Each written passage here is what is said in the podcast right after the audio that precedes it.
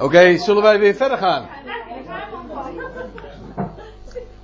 Weer even terug naar de les. Terug naar, uh, naar Jeruzalem.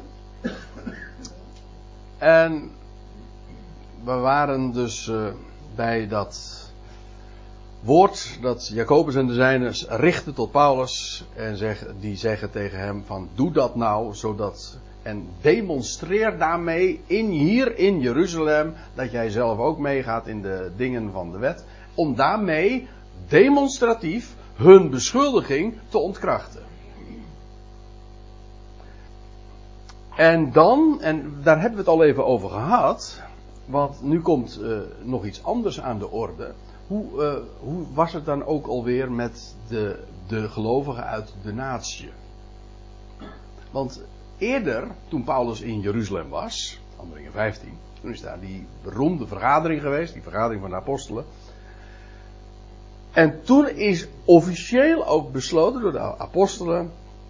Jacobus heeft er toen daar ook een, eh, een grote rol in gespeeld. En toen is dit gezegd. Omtrent echter, uh, eigenlijk, dat echter geeft aan dat er een, een tegenstelling is. Van, uh, zo van, nou, dit is wat wij jou nu tegen jou zeggen, is niet in strijd met wat we eerder hier ter plaatse in Jeruzalem hebben besloten. Namelijk, de gelovigen uit de natieën, die worden niet geacht de wet van Mozes te houden. Want dat was namelijk, onder de Joden, was dat het punt. Paulus ging naar de natieën toe. Eén ding, dat was namelijk al lang beslecht in, in Handelingen 15. Paulus ging naar de natieën toe. En er waren er onder de Messias beleidende Joden die zeiden, er waren velen die zeiden van dat wat Paulus daar onder de natie predikt is veel te makkelijk. Degene die namelijk, de gewone heidenen om zo te zeggen, die tot geloof komen in God, die zouden gewoon de wet moeten gaan houden. Besneden moeten worden. En de Sabbat houden, et cetera, et cetera. Zij voegen zich feitelijk bij het volk van Israël en dat moeten, zij moeten de wet gaan houden. Nou, daar is uh, toen heel veel tumult over geweest. En uiteindelijk in Jeruzalem, daar is unaniem besloten dat de natieën vrij waren. En sterker nog, uh, zij waren, ja, toen hebben, nou laat ik het eventjes lezen. Omtrent echter degene die hebben geloofd van de natie, schreven wij een brief, want het is toen ook nog zwart op wit allemaal uh, opgetekend, oordelen dit. Dat zij, de natieën, zij die geloofd hebben van de natie, zich bewaken. Hier wordt weer hetzelfde woord gebruikt als wat in het voorgaande vers ook gebruikt werd. Uh, dat wil zeggen dat zij zich wachten. Ja, zo staat het trouwens in de MBG-vertaling ook. Dat zij zich bewaken voor zowel, en dan worden er vier dingen genoemd. Een afgodenoffer, als bloed, als verstikte, als ontucht. Daar hoeven we het nu niet zo uitgebreid meer over te hebben. Want is, want dit refereert aan wat in Handelingen 15 uitgebreid besproken is. Uh, ja, beschreven is. En wat we toen de tijd ook hebben besproken. Eén ding is even van belang. Uh, dit was, betekende niet een gedeeltelijke handhaving van de wet van Mozes onder de natie. Helemaal niet. Wat toen tegen de natie werd verteld is, jullie hebben je te onthouden van vier dingen. Niet, jullie moeten de wet on onderhouden, jullie moeten je onthouden van een viertal dingen. Waar mensen vanaf Adam af al zich van hebben te onthouden. En dat is, en er worden er vier dingen genoemd. Afgodenoffers. In, in algemeen afgoderij. Een mens wordt geacht één God te kennen en die te dienen. Dat is helemaal niet iets specifiek Joods. Dat is gewoon een waarheid die al vanaf Adam, al die duizenden jaren tot Mozes aan toe, altijd voor elk mensenkind al geholpen heeft. Een mens zou één God dienen en zich dus onthouden van afgoden. Afgoderij en dus ook afgodenoffers. Uh, van bloed en het verstikte, dus eigenlijk één. Dat, heeft, dat, dat herinnert aan, de, aan de, het verbond met Noach. Dan lees je dat God tegen de mensheid zegt: eh, vanaf nu zouden jullie niet alleen maar vegetarisch eten, maar ook mogen jullie vlees eten. Dat is pas sinds de, sinds, uh, de zondvloed, of na de zondvloed. Maar staat er dan bij, het bloed zouden jullie laten lopen op de aarde. Ik zeg het nu even met mijn eigen termen. Nou, we zeggen vlees uh, zou je eten, maar zonder het bloed. Dat was dus helemaal niet een bepaling van de wet van Mozes. Heeft voor de wet, laat ik het anders zeggen. Voor Noach at een mens vegetarisch. En ik hoor nu sommige mensen denken, althans. Oh, daarom werden ze zo oud natuurlijk. Nee, dat bedoel ik niet. Maar daar, laten we daar nu niet even over houden. Maar voor Noach at men geen bloed omdat men überhaupt geen vlees at. En na Noach at men wel vlees, mocht men vlees eten. Eén ding niet, en dat is bloed. Dat wil zeggen, het bloed laat je lopen. Laat je uit, en dat, het wordt ook gemotiveerd, want de ziel van alle vlees is in het bloed. Maar dat is, het niet eten van bloed is dus niet een mozaïsche regel dat voor aan Israël geven. Het is nooit anders geweest. Voor Noach niet, sowieso. En ook vanaf Noach dat de mens dus een, uh, een vleesmenu zeg maar kreeg, was het ook uh, niet anders. Hij had geen, het verstikte dus ook niet waar nog bloed in zat. En uh, ontucht, dat wil zeggen, eigenlijk zijn dat alle seksuele betrekkingen buiten het huwelijk om. hoe was het ook alweer? Vanaf het beginnen, een man zal zijn vader en moeder verlaten en zijn vrouw aanhangen. En die twee, die man en zijn vrouw, zullen één vlees zijn. En eigenlijk alles, als een man uh, niet met zijn vrouw één vlees is, dan is dat, of met een andere vrouw, dan eet dat ontucht. Gaan we het nu verder niet over hebben. Het gaat me even om het, om het principe dat uh, dit element is nooit, ook vanaf Adam, nooit anders geweest. Dat zijn dus, hier wordt gerefereerd aan universele waarheden. Voor de hele mensheid is nooit anders geweest.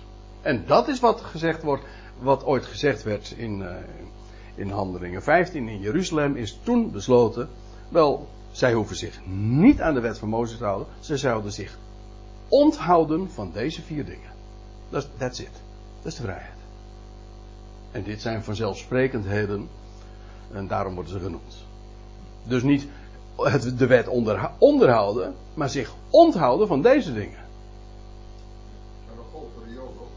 Dit gold sowieso voor de Joden ook, ja. Ja.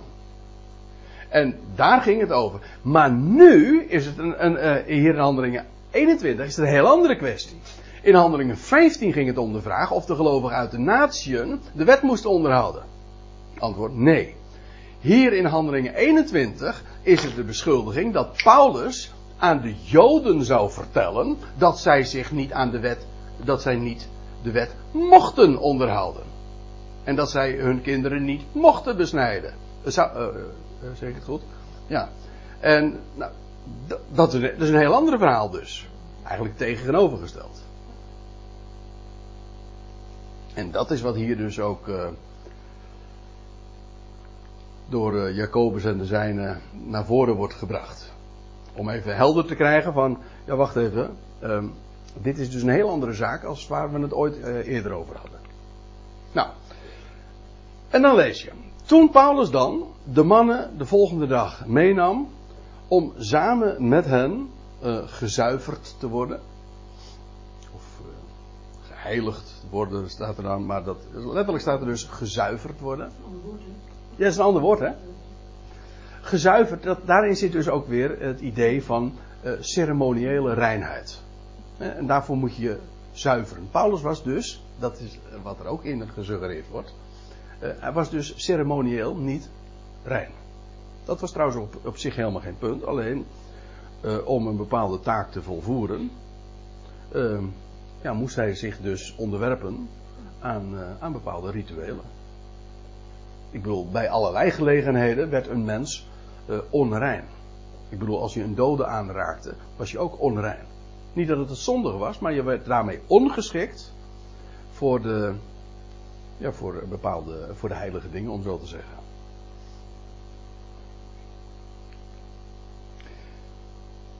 Dus, ehm, ja, wat, toen Paulus dan de mannen de volgende dag meenam, die vier dus, om samen met hen gezuiverd te worden. En Paulus voegt zich dus bij de vier uh, onder een gelofte.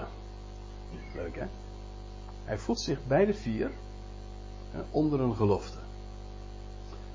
Eigenlijk, uh, die vier mannen zijn daarmee dus ook een beeld van Israël onder de wet. En Paulus gaat daarin met hen mee. Dat is wat hij doet. Dus, als je er goed over nadenkt, zit hier, en we memoreerden het voor de pauze al, daar zit een enorme geestelijke waarheid in. Besloten. Afijn, uh, gezuiverd te worden. Ja, wat dat trouwens betekende, dat kunnen we lezen in nummer 19. Dat is heel boeiend. Want uh, die reiniging, dat vond plaats door middel van water, reinigingswater. En de Rooms-Katholieke Kerk heeft dat. Uh, hè? U weet het, hè? We hadden het in de pauze nog even. Uh, ja, ik zit nu even te denken, waar begin ik nu? Maar in de pauze hadden we het er even over. De kerk, hè, van oudsher, hè, van. Uh, of de eerste eeuwen van de kerkgeschiedenis, die waande zich het nieuwe Israël. Hè? Wij zijn Israël. En daarmee meenden ze ook dus ook onder de wet te moeten leven en allerlei dingen van Israël had. Israël had priesters, wij, wij moeten ook priesters. Israël had heilige gebouwen en, uh, tempels, wij moeten ook tempels en kathedralen. En alles is gekopieerd van Israël. En op een of andere manier, uh, die hele dienst heeft men uh, in hun, op, een, op een hele eigendunkelijke manier, want dingen die niet aan hen gegeven worden, zijn, heeft men overgenomen, alleen aangepast. Hè? En in plaats van, om maar wat te noemen, de Sabbat. Wij hebben ook onze Sabbat, alleen wij, voor ons is het een zondag. Uh, wij hebben ook, net als Israël, de besnijdenis, maar in plaats van de besnijdenis is de doop gekomen. Nou ja, dat, daar zit dus uh, al die aspecten, ik bedoel zo'n bewering als van zondagsviering of de besprenkeling van een klein kind dat, dat, daar zit een hele theologie achter. Van, met de gedachte, wij zijn het nieuwe, het geestelijke Israël. Wij zijn de erfgenamen van Israël. Israël heeft afgedaan en wij zijn, wij zijn nieuw Israël. En wij. Uh... Oh ja, en waar, waarom kom ik er nou op? Uh, nou, dat is. Uh, wij, Israël had zoiets als, als reinigingswater. En wij ook. Wijwater. Hè? Wijwater betekent eigenlijk gewoon water waardoor dingen gewijd worden. Vandaar wijwater. Maar dat is leuk. Uh, want uh, er vond besprenkeling van reinigingswater plaats. Lees het maar na op nummer 19. Op de derde dag. Dus als Paulus dan uh, naar de, de, de volgende dag hen meenam om gezuiverd te worden. Dan is dat op, op, dan gaat hij op de derde dag Hè, wordt er dan, hoe, hoe, dat in zijn ging, weet ik niet, maar in ieder geval werd er reinigingswater op hen uh, toegepast. Werden ze daarmee besprenkeld.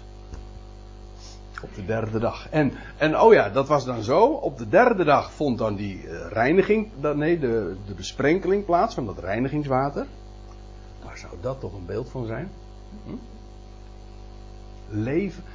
Eigenlijk was het zo dat daarmee op de derde dag de verontreiniging van de dood ophield. Is iemand een dood dat aangeraakt, was hij onrein. Maar op de derde dag vond de besprenkeling van het reinigingswater plaats. Ik zou zeggen, dat is een inkoppertje hoor. Als je het Nieuwe Testament kent. Op de derde dag werd de steen weggewenteld. En is de overwinning op de dood behaald. En uh, op de derde dag vond dan de besprenkeling van het reinigingswater plaats. En dan op de zevende dag was de officiële. Uh, uh, werd dan de reiniging. ging dan officieel in. Gewoon op de derde dag, de zevende dag. Na de zevende dag, de achtste dag dus. was. was dat voltooid. Zeven heeft altijd te maken met voltooiing. Ja, maar uh, nu denkt u van, oh, hij gaat er nu ook nog wat zeggen over uh, de betekenis van de zevende dag, de Sabbat. Maar dat doe ik nu even niet. Want dat. Uh, dat voert te ver van, van, van de bespreking. Maar u, u, u voelt hem wel. In, één ding is zeker, als Paulus dus meegaat daar in, in dat voorstel, of in dat wat hij gezegd was dat hij zou doen. Alleen al wat hij dan doet, eerst op de derde dag en dan later op de zevende dag, daar gaat op zich al zoveel sprake van uit. Lees verder met mij.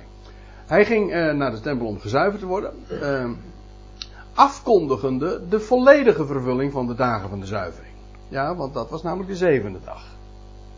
Dus uh, die derde dag vond die, die uh, reiniging met het water plaats. En dat was tevens, dat betekende dat op de zevende dag het officieel ehm, vervuld was. Er staat erbij, totdat ten behoeve van een ieder van hen, van ieder van die vier dus, de offergave werd aangeboden. Ja, en als dat gebeurd was, dan kon dan kon, dan was de gelofte echt uh, voorbij. En dan, als de offergave gebracht was, dan was de gelofte feitelijk, officieel uh, beëindigd, voltooid. De offergave gebracht en daarna was de gelofte voltooid voorbij. Hm? Ook dat, ik zou zo de Hebreeënbrief ernaast kunnen leggen. Hè? Het offer is gebracht en daarmee de gelofte en de hele periode van het oude verbond is daarmee finito, beëindigd.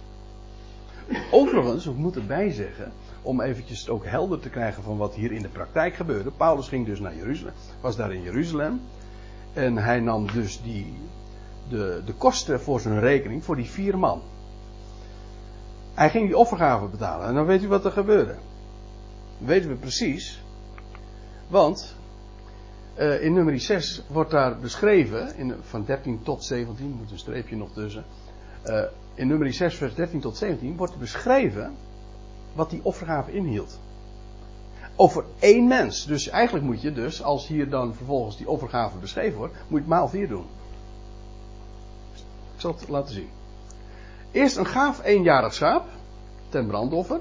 Een eenjarige ooi, ten zondoffer. Een gave ram, ten vredeoffer. Ongezuurde koeken, spijsoffer. En bijbehorende plengoffers, dat wil zeggen, dat is dan dus sterk, uh, wijn en sterke drank. Die werd dan uitgegoten. Nou, dat laatste twee zal, uh, zal misschien niet zo heel erg duur geweest zijn. Maar u kunt zich voorstellen, alleen al, dat zijn, dat zijn dus drie schapen voor één iemand. Dus maal vier zijn dat al twaalf schapen. Die dus uh, betaald moesten worden. En Paulus nam de kosten voor zijn rekening. Sorry? Hij was niet zonder. Nee, dat. Uh,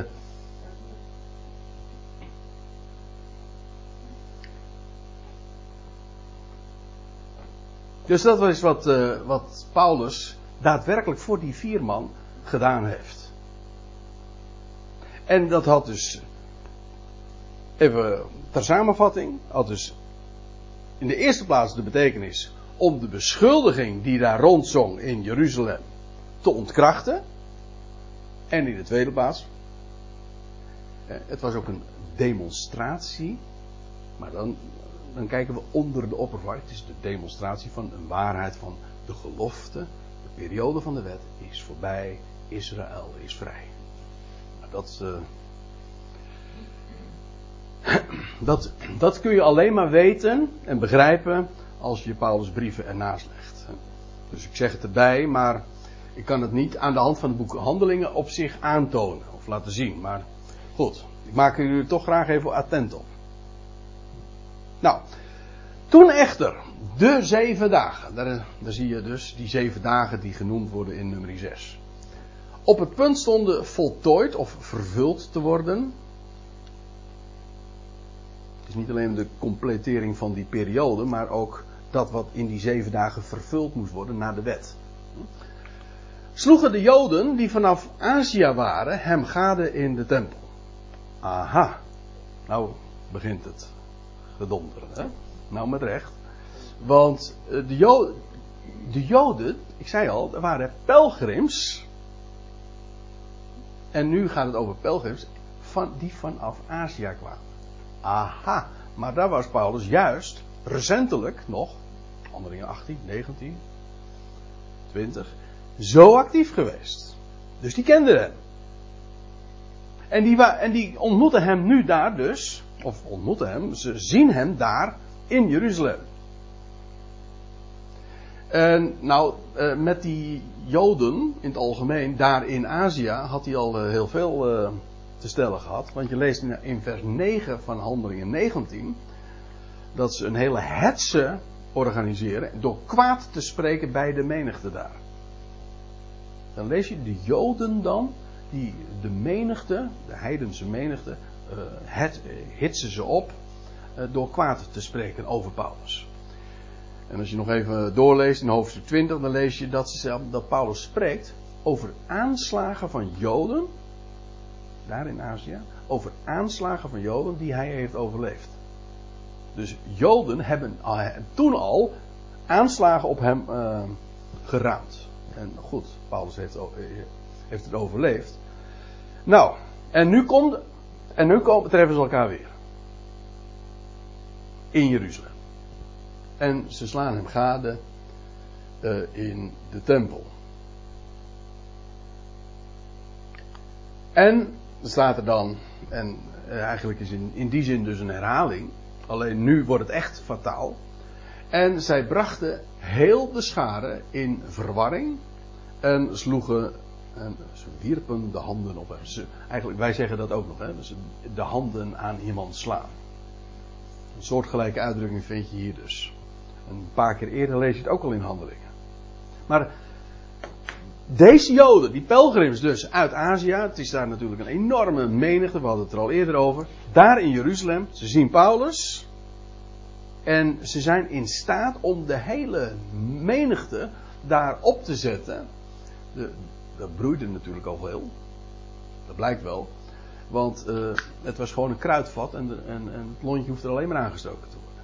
Moest je opletten wat er gebeurt. Uh, ze brachten heel de schade in verwarring en sloegen de handen aan hem. Want, uh, er staat erbij, terwijl ze schreeuwden, mannen, Israëlieten, helpt. ja, zo. Dat zijn, dat zijn drie noodkreten eigenlijk. Alarm. Dat is, het is puur alarm slaan. Dit is de mens. Deze vent is het. Hij is het. Dit is de mens. Dus, dus ja, dit is de mens die tegen het volk en de wet en deze plaats allen overal onderwijst. Zie je trouwens, alleen al in deze formulering precies. In Jeruzalem was dus bekend. Er is iemand daar onder de natie, of zijn naam bekend was, weet ik niet. Maar in ieder geval, die de onder de natie een heel kwalijk ding doet. En daar de Joden afstandneming van Mozes leert. En nou, en die Aziaten, of ja, Aziaten waren het. Um, nu zien ze hem en ze slaan alarm en zeggen: Dit is die mens. Dit is de mens. Die ene, weet je wel. Heel, het is heel bepaald. Dit is de mens. Die tegen het volk en de wet, hier zie je weer wat de aanklacht is. Die tegen het volk en de wet en deze plaats, hier, ja, niet alleen Jeruzalem, maar vooral de tempel. Hè? Hamakom, zeggen ze in het uh, Mokum. Hamakom, dat is eigenlijk de plaats. Deze plaats. Allen overal onderwijst. Nou, Paulus spreekt inderdaad allen, aan allen, overal. Maar niet tegen het volk en ook niet tegen de wet. We hebben dat uh, al gezien. Dat is absoluut niet waar. Maar waarom zij dachten, uh, ja, dat laat zich me verstaan. Want de, ja, de positie die zij als Israëlieten meenden te hebben, die, eh, nu, gingen de voor, nu leken de voorrechten allemaal naar de natie te gaan. Zij hadden de vrijheid. En nu, en Israël werd eigenlijk uh, gepasseerd. En nu ging die Paulus, die, die liet de Joden voor wat ze waren, en hij ging naar de natieën toe. Door hun struikeling is het heil naar de natie gegaan. Dat was Paulus' prediking. Nou, en dat hebben zij geïnterpreteerd als dit is tegen het volk. En de vrijheid die Paulus predikte, ook onder de Joden dus. Dat werd geïnterpreteerd als dat, het, dat hij zou leren van dat, we de wet niet, dat ze de wet niet mochten onderhouden. Het is een misverstand, of het is een leugen, zo u wilt. Maar het, ja, hoe is dat ontstaan? Waarom lag Paulus zo moeilijk daar in Jeruzalem? Nou, hier zie je het.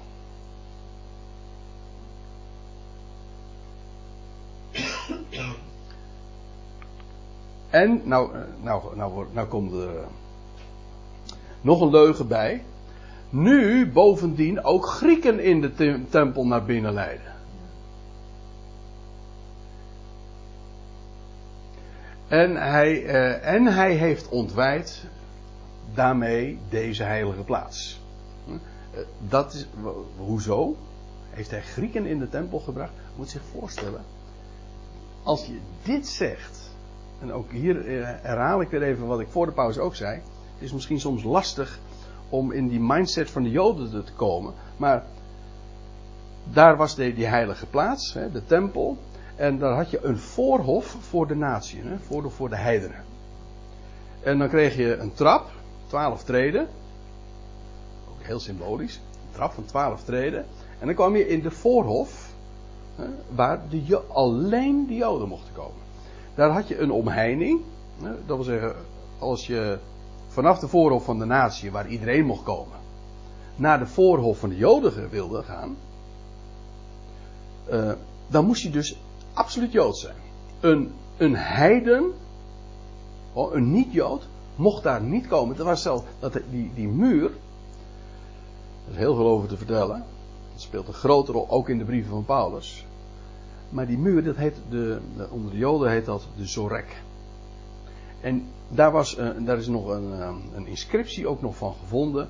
Maar daar, uh, als je dus van de voorhof van de heidenen naar die andere voorhof wilde, dan hing daar een, een, een tekst. En dat, is, en was, dat was een regelrecht dreigement. Dat het een heiden absoluut verboden was. Op straffen van de dood. Om dat terrein te betreden. Dus dat was. Ja, als, als een heiden op dat terrein kwam. Ja, dat was, dan was je echt des doods schuldig. Dat, dat stond, daarvoor ben je ook in de tempel al gewaarschuwd. Nou, nu zeggen ze dus, en dan begrijp je ook meteen waarom er zo'n enorme uh, rumoer ontstaat. Omdat zij zeggen, die, deze mens heeft nu precies gedaan wat al, om, uh, al verteld werd in Jeruzalem, namelijk dat hij tegen het volk en de wet en deze plaats al en overal leert. En nu heeft hij inderdaad Grieken in de tempel naar binnen geleid. En daarmee ontwijdt deze heilige plaats, alsjeblieft. Nee, want, vers 29. Eh, want, waarom zeggen ze dit? Nee, want die vier mannen, dat waren gewoon Joden. Want zij hadden tevoren Trofimus, de Efeziër, in de stad gezien samen met hem. Aha. Die Trofimus, die waren we al eerder tegengekomen in vers hoofdstuk 20. Een Trofimus, dat was een heiden. Een niet-Jood. Die, was mee, die uh, hoorde ook bij het reisgezelschap.